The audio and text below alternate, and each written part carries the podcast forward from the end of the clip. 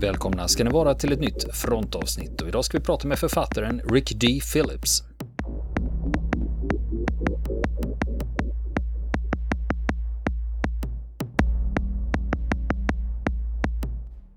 Författaren Rick D. Phillips, han väckte uppståndelse i Storbritannien år 2017 när hans bok kom som heter The First Casualty, The Untold Story of the Falklands War, 2nd of April 1982. Och anledningen till att den här väckte uppmärksamhet är att han har nämligen grottat ner sig i invasionen, det vill säga när de argentinska styrkorna kliver i land.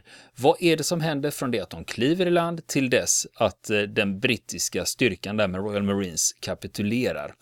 Eh, hans version av vad som hände där bygger på intervjuer med brittiska soldater som var på plats, lokalbefolkningen som bodde där och även argentinska veteraner. Och det visar sig att den versionen han får fram eh, jämfört med de officiella versionerna som har funnits tidigare Eh, det ställer allting på ända. För enligt den officiella versionen så går det till så här att argentinarna kliver i land, det utbryter en liten skärmytsling med de brittiska soldaterna som är på plats och eh, det stupar en argentinsk soldat och tre skadas. Men det visar sig när Ricky D. Phillips intervjuar folk på Falklandsöarna och de brittiska veteranerna och de argentinska veteranerna att det här stämmer inte. För när de pratar med folk på sjukhuset så kan de berätta om mängden stupade argentinska soldater som kommer dit och mängden sårade argentinska soldater som kommer dit.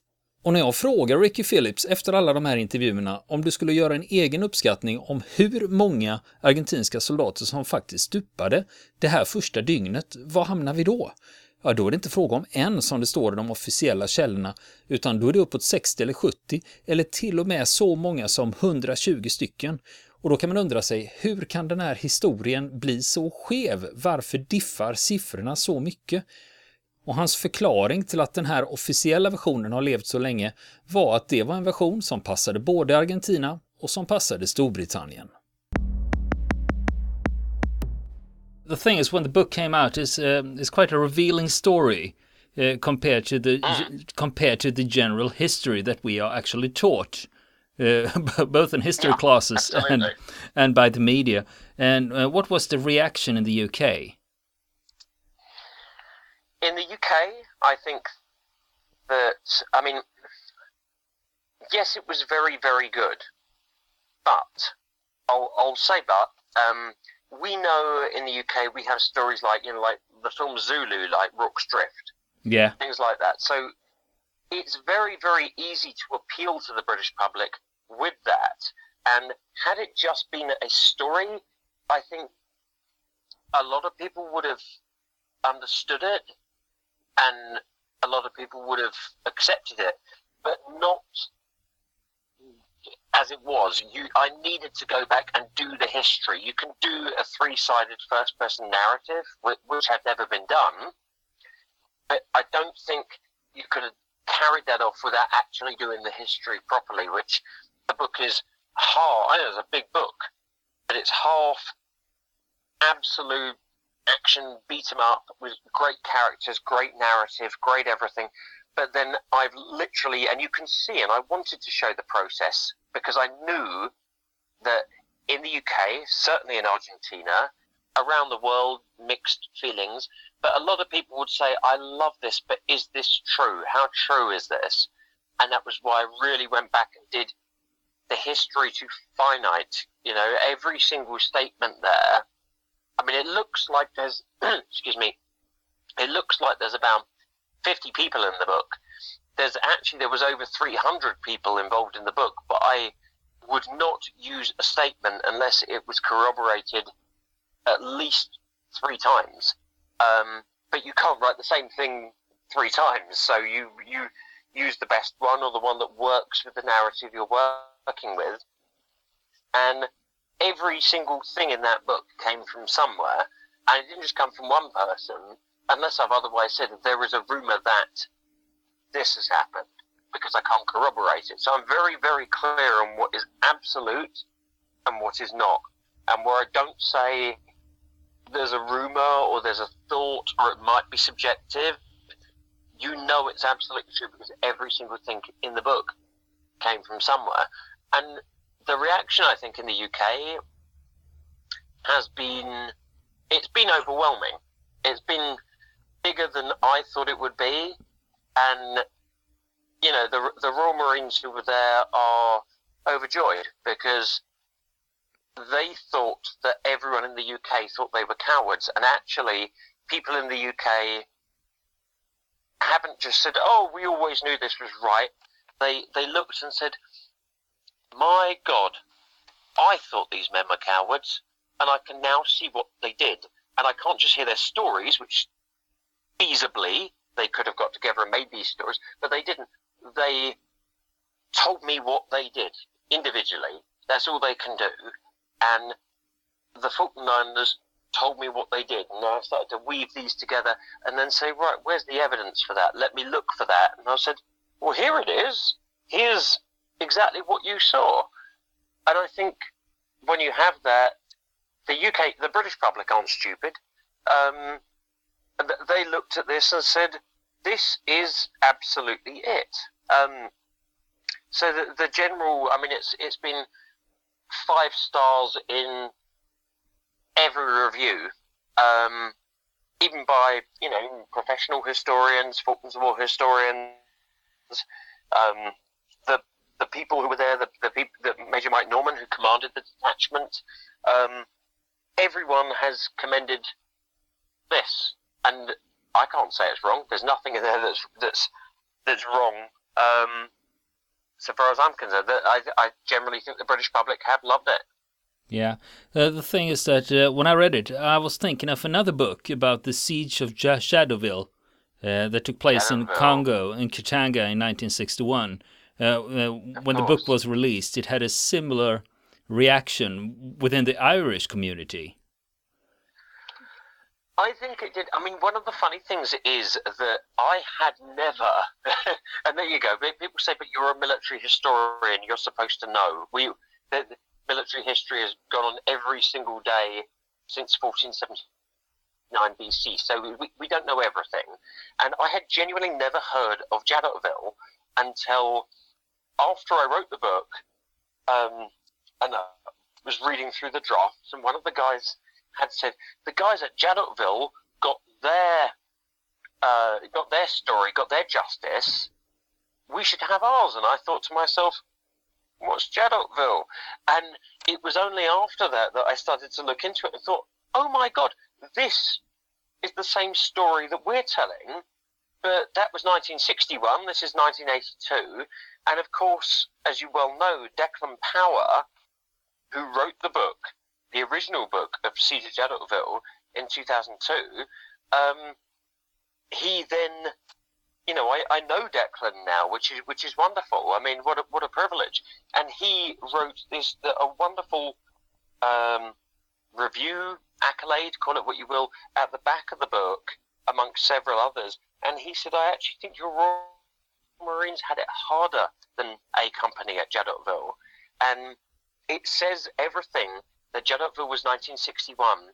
That Declan wrote their book in 2004, and that December 2017, they first got their justice. I mean, they, they'd been recognised, but in December 2017, they fought this in 1961. There's not many alive now, and they finally got their justice and their their their praise and their recognition from their government.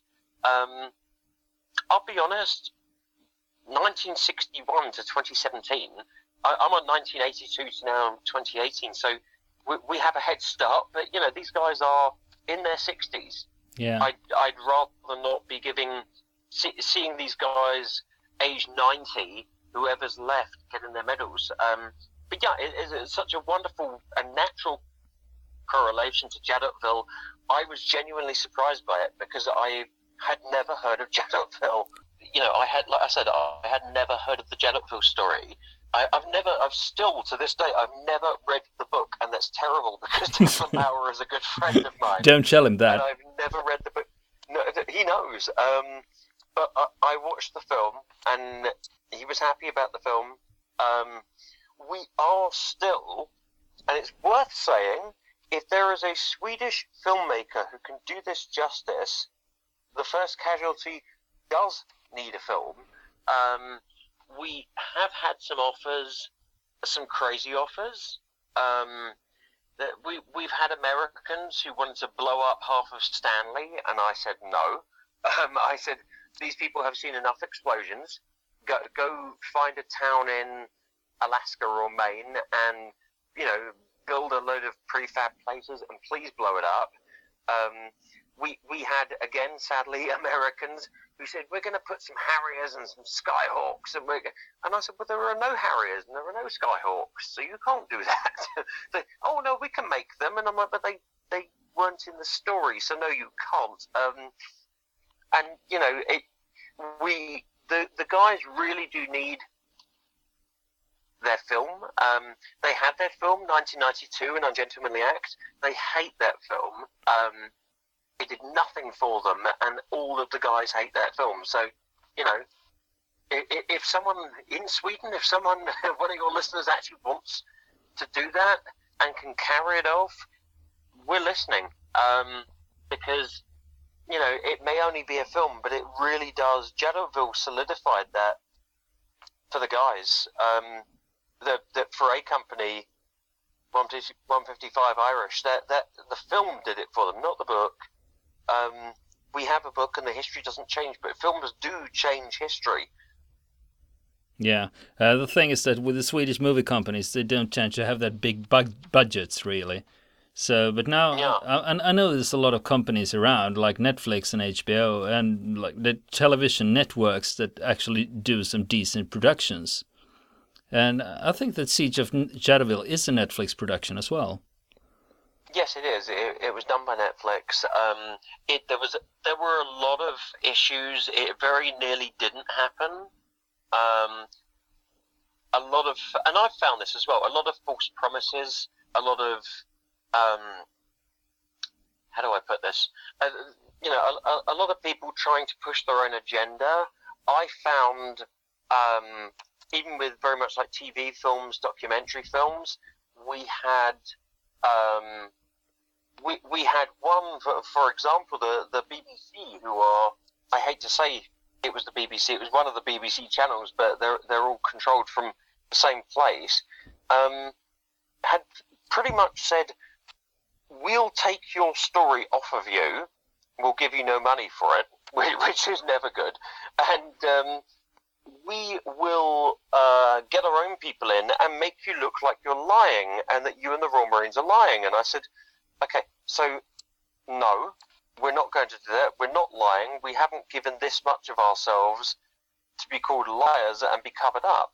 And I even said at the end, just to see what would happen, I said, can you offer me any money to insult me this badly? And they said, oh, we weren't going to give you any money. And I mm-hmm. said, well, it really wasn't about the money, but no, no, we're not doing this. Um, but then on the flip side, the next company said, we want to prove that the Argentine veterans are lying, and we want to put them in a position on camera where we're going to accuse them of lying. And I said, no, you're not doing that either. And they said, well, we can, you know, stick one to the Argies. That'll be. And I said, no, these are my friends, and what I respect their opinion. I respect their service. I respect what they did, how they fought for their country, and I absolutely believe they didn't lie. Their government lied. They did not lie. And I said, you are not putting my friends in this position. And they, they actually, as opposed to the other guys, they did offer me a lot of money to put my Argentine friends in a position whereby they were accused of lying. And I said, absolutely not. Um, it was not going to happen. So there are those you know, you, you asked about like the UK reaction. The reaction in Argentina from those who have not read it has been largely negative. Um, the reaction of mainly the veterans who have has been, and the veterans who were there, has been entirely positive and supportive. And I still speak to all of those men in Argentina, I'd say daily. Um, and I'm very good friends with them one thing I found, it I mean, I, I guest lecture at Glasgow University on the Falklands War, and one thing I've found, and I, I said, I've said this a lot of people there is that yes, every war has you know this side, that side. You know, the war would there be an air raid, and we'd say we only lost two planes but shot down 20 of the enemy. And they'd say, no, we only lost five planes. We shot down 40 of the enemy. And, but over, over the years, you have this sort of general consensus that historians look through and say, well, I know you didn't shoot that because it was, you didn't shoot down 40 planes because there was only 24 planes there and these guys were still flying in that raid. So there's maybe six over here that we can't account for. So at the best, you shot down six and that's history.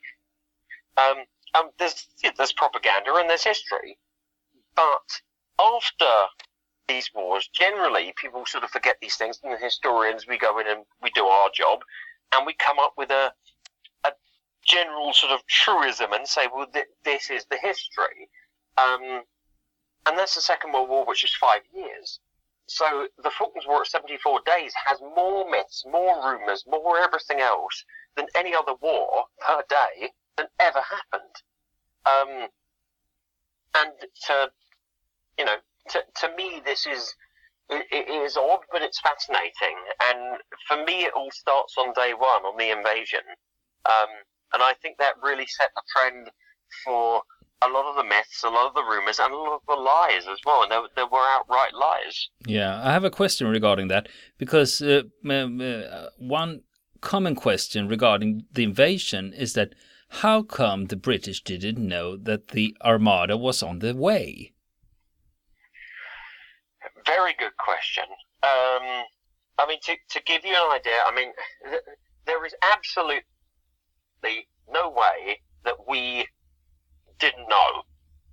The information, every shred of information about that, and I mean the absolute, the day, the date, the how, the when, the why, every single thing um, known about the invasion was sent back via the common, uh, the, the, sorry, Foreign Commonwealth Office.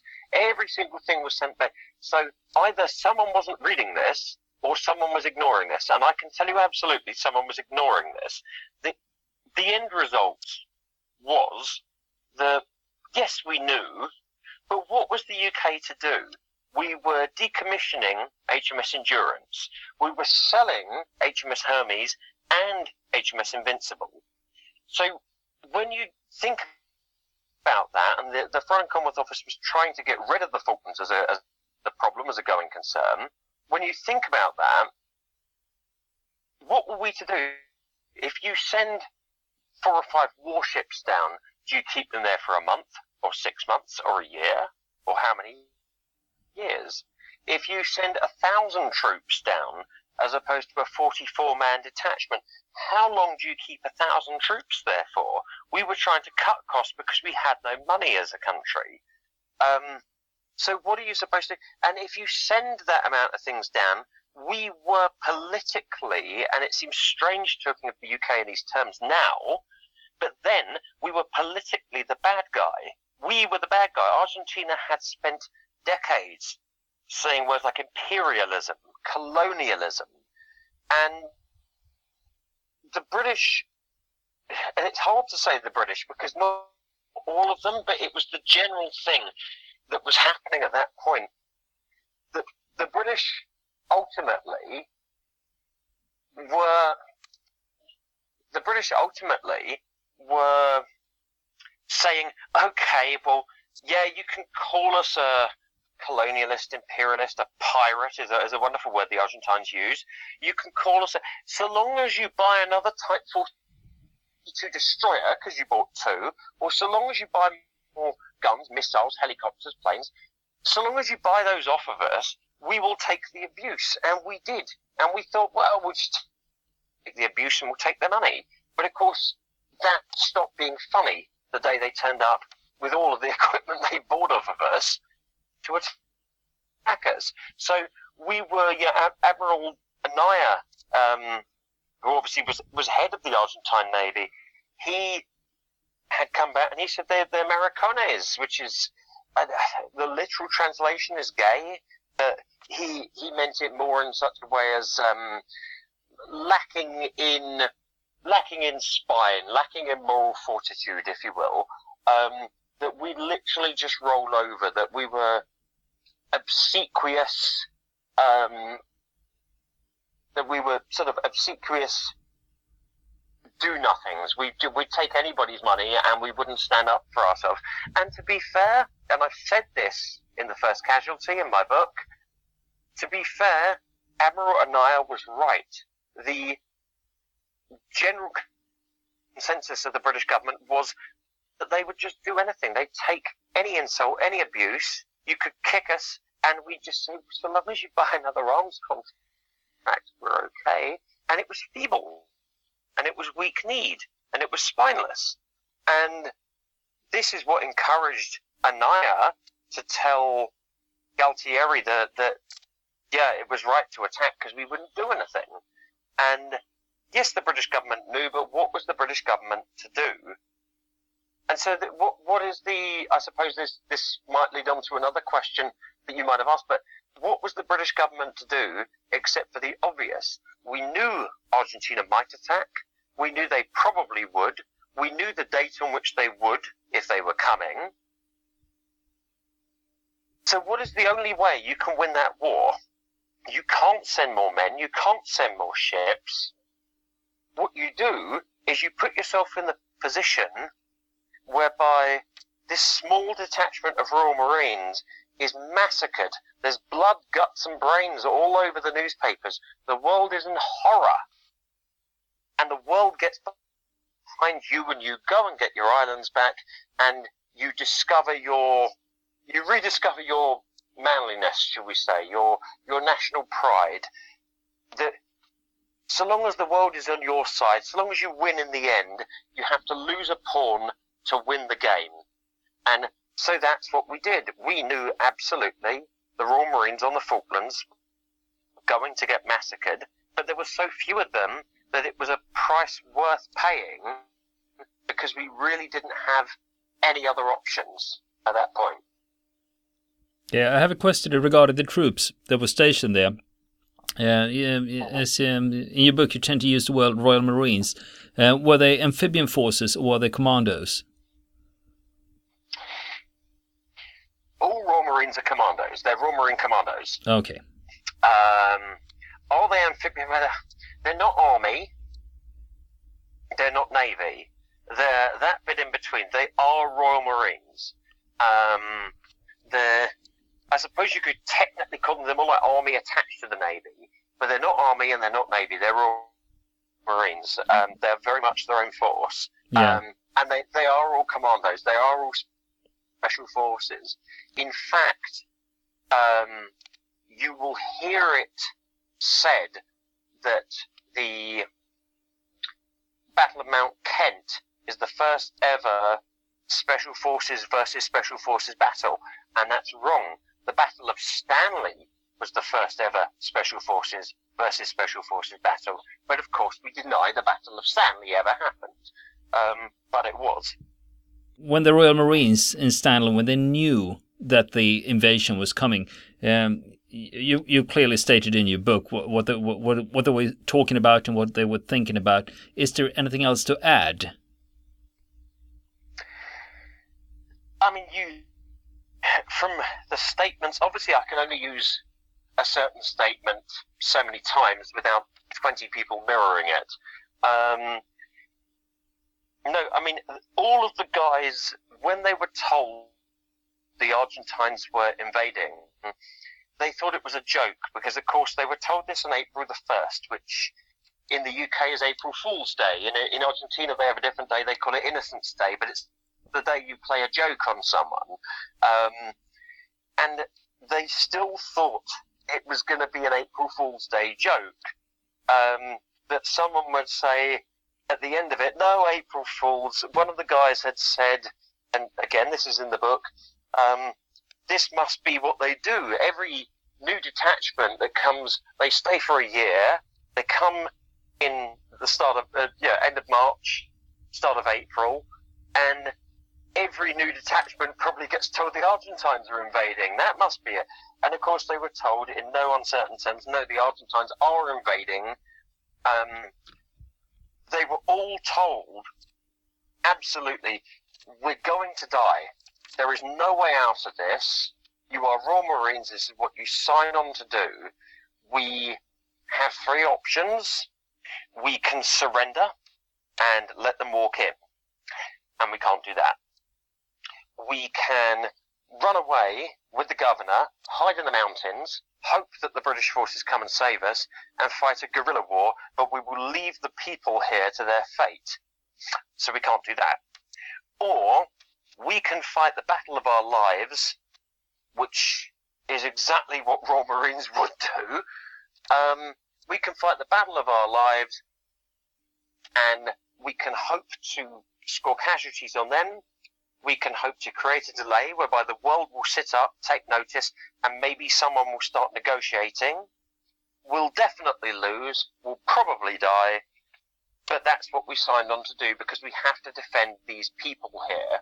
And I want to make that very, very specific for particularly for your your listeners as well uh, and your viewers, is that when we talk about the Falklands, it's a it's a big thing, and it, it's Sir Rex Hunt said this, the Falklands governor.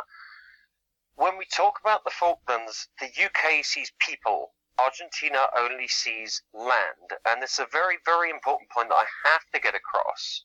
Is that we talk about the Falklands as land, and the Falklands are not land. The Falklands are the Falkland Islanders. They are people. Um, you will hear it said. You will hear it. Um, you can find YouTube videos, I think, um, where uh, there are Argentine commandos, particularly uh, Jacinto Batista, who I, I, won't give my opinion on him. He's uh, he he told us uh, such a weird version of the Falklands invasion that had his photo not been in it, you'd think he wasn't there. Um, but he said the Royal Marines, they lacked our motivation. They were defending a flag. These were not people defending a flag. They've been here for a year. They were defending friends, girlfriends. Many of them kept going back to the forts because they had wives and children. These were guys, not just guys fighting for some flag on a flagpole. These were people who were fighting for their friends, families, children. They were fighting for everything. Some of them even lived there. Um, they were fighting for absolutely everything. They were fighting for home. And that's a very important point that gets missed is that the Falklands are not some islands. The Falklands are people um, who happen to live on some islands. And there's a very important point. But these guys had no qualms, no second thoughts. They wouldn't have taken any other option but that we will stand here and we will fight and we will fight very, very hard and we will make these people sorry they attacked us. And that's what Royal Marines do. So, yes, people were scared. Of course, they were scared. A lot of them were very young guys. But they were also special forces. They were at the peak of physical fitness. And they were absolutely going to fight that battle for which they'd been trained. And they did and possibly the most disgusting thing happens at the end, which of course is where the UK government turns around and says they did not. And that's just, that, that to them was the kick in the teeth. They go out there and do it because they were Royal Marines, but to go out there and do it and say someone, you know, find that someone said they didn't do it, that, that's, that was the real bite. That was the, the painful yeah, uh, I have another question regarding that, and that's especially uh, it must have been discussed in a lot of places. It's about the casualty figures uh, for the Argentinian. What, what what kind of receptions have you received? I mean, in the UK, that's acceptable only, only because anyone can come up with a figure. You know, it's, it's just a figure. Um, but when when I wrote the book, I think it's probably the best place to go back to. There was a, a Royal Marine say, "And I shot someone," and you can hear a million and one Argentine accounts of how they claim to have shot whoever. But it, this is the only time where someone said, I shot someone here, and I went back to the hospital in Stanley, the only hospital in the Falklands, KEMH as they call it, King Edward Memorial Hospital, and I interviewed all of the doctors nurses from KEMH, and of course they were after the battle they were going out, they were picking wounded people up. So one of the guys had said that um, Andy McDonald, he had said that an Argentine was running at him, and his gun had jammed. He'd had this gun. There was only enough guns for one detachment, and of course there were two because one had just come to relieve the second. So they actually, fortunately, had more men. But he'd picked up this gun. Um, it had still been packed in grease. It would fire four shots and then it would it would jam again. So he's trying to unjam this gun, and an Argentine commando is running at him, and suddenly he's unjammed it and he unleashes all four bullets, which is all he can do, at this guy, and he rolls as he's running, and he lands headfirst in a raspberry bush, headfirst with his feet sticking up. Now, anyone could say that, but when I went and spoke to one of the nurses who was there that night at King Edward Memorial Hospital, who came out and tried to help the wounded, she said, I remember this guy. He was head down in a raspberry bush with his feet sticking in the air. Yeah, he was dead. I couldn't do anything for him. But I remember this guy head down in a raspberry bush. Now, how can you get those stories straight? My friend Rachel, she had a dead body in her garden. She lived on Pioneer Row. Now, according to the Argentine figures, there was no fighting in the town. I can tell you that Section 6, six men fired 3,450 rounds in the town of Stanley. They engaged at least eight different contacts. Um, I know for a fact that one of those killed one man and I'm going to say mortally wounded another. He was taken away by the Argentine authorities mid operation. Um, uh, effectively, the operation is described in the book. So I take this back to the hospital. So anyone can say who, you know, yeah, I shot three people but I can account for those people because they're in there. Um, and I, have spoken to other people since. Dr. Alison Bleaney, who was there, she saw a lot of dead people. She saw Argentine soldiers being crammed into the back of an Amtrac armored personnel carrier, just dead Argentines thrown in the back. Um, as they came out, they were taking them out of the hospital, desperate to hide them. Um, she performed operations on at least 10 or more people um, who were living because if they were dead, she just left them and sent them to the morgue. And yet, Argentina says there are only three men wounded and one man killed. Och nästa vecka så fortsätter vi samtalet med författaren Ricky D. Phillips. Vill ni komma i kontakt med oss så kan ni göra det via vår Facebook-sida som heter Fronten. Det är inga problem för er att leta er fram där. Eller också så mejlar ni på vår mejladress och det är frontenpodcast@gmail.com.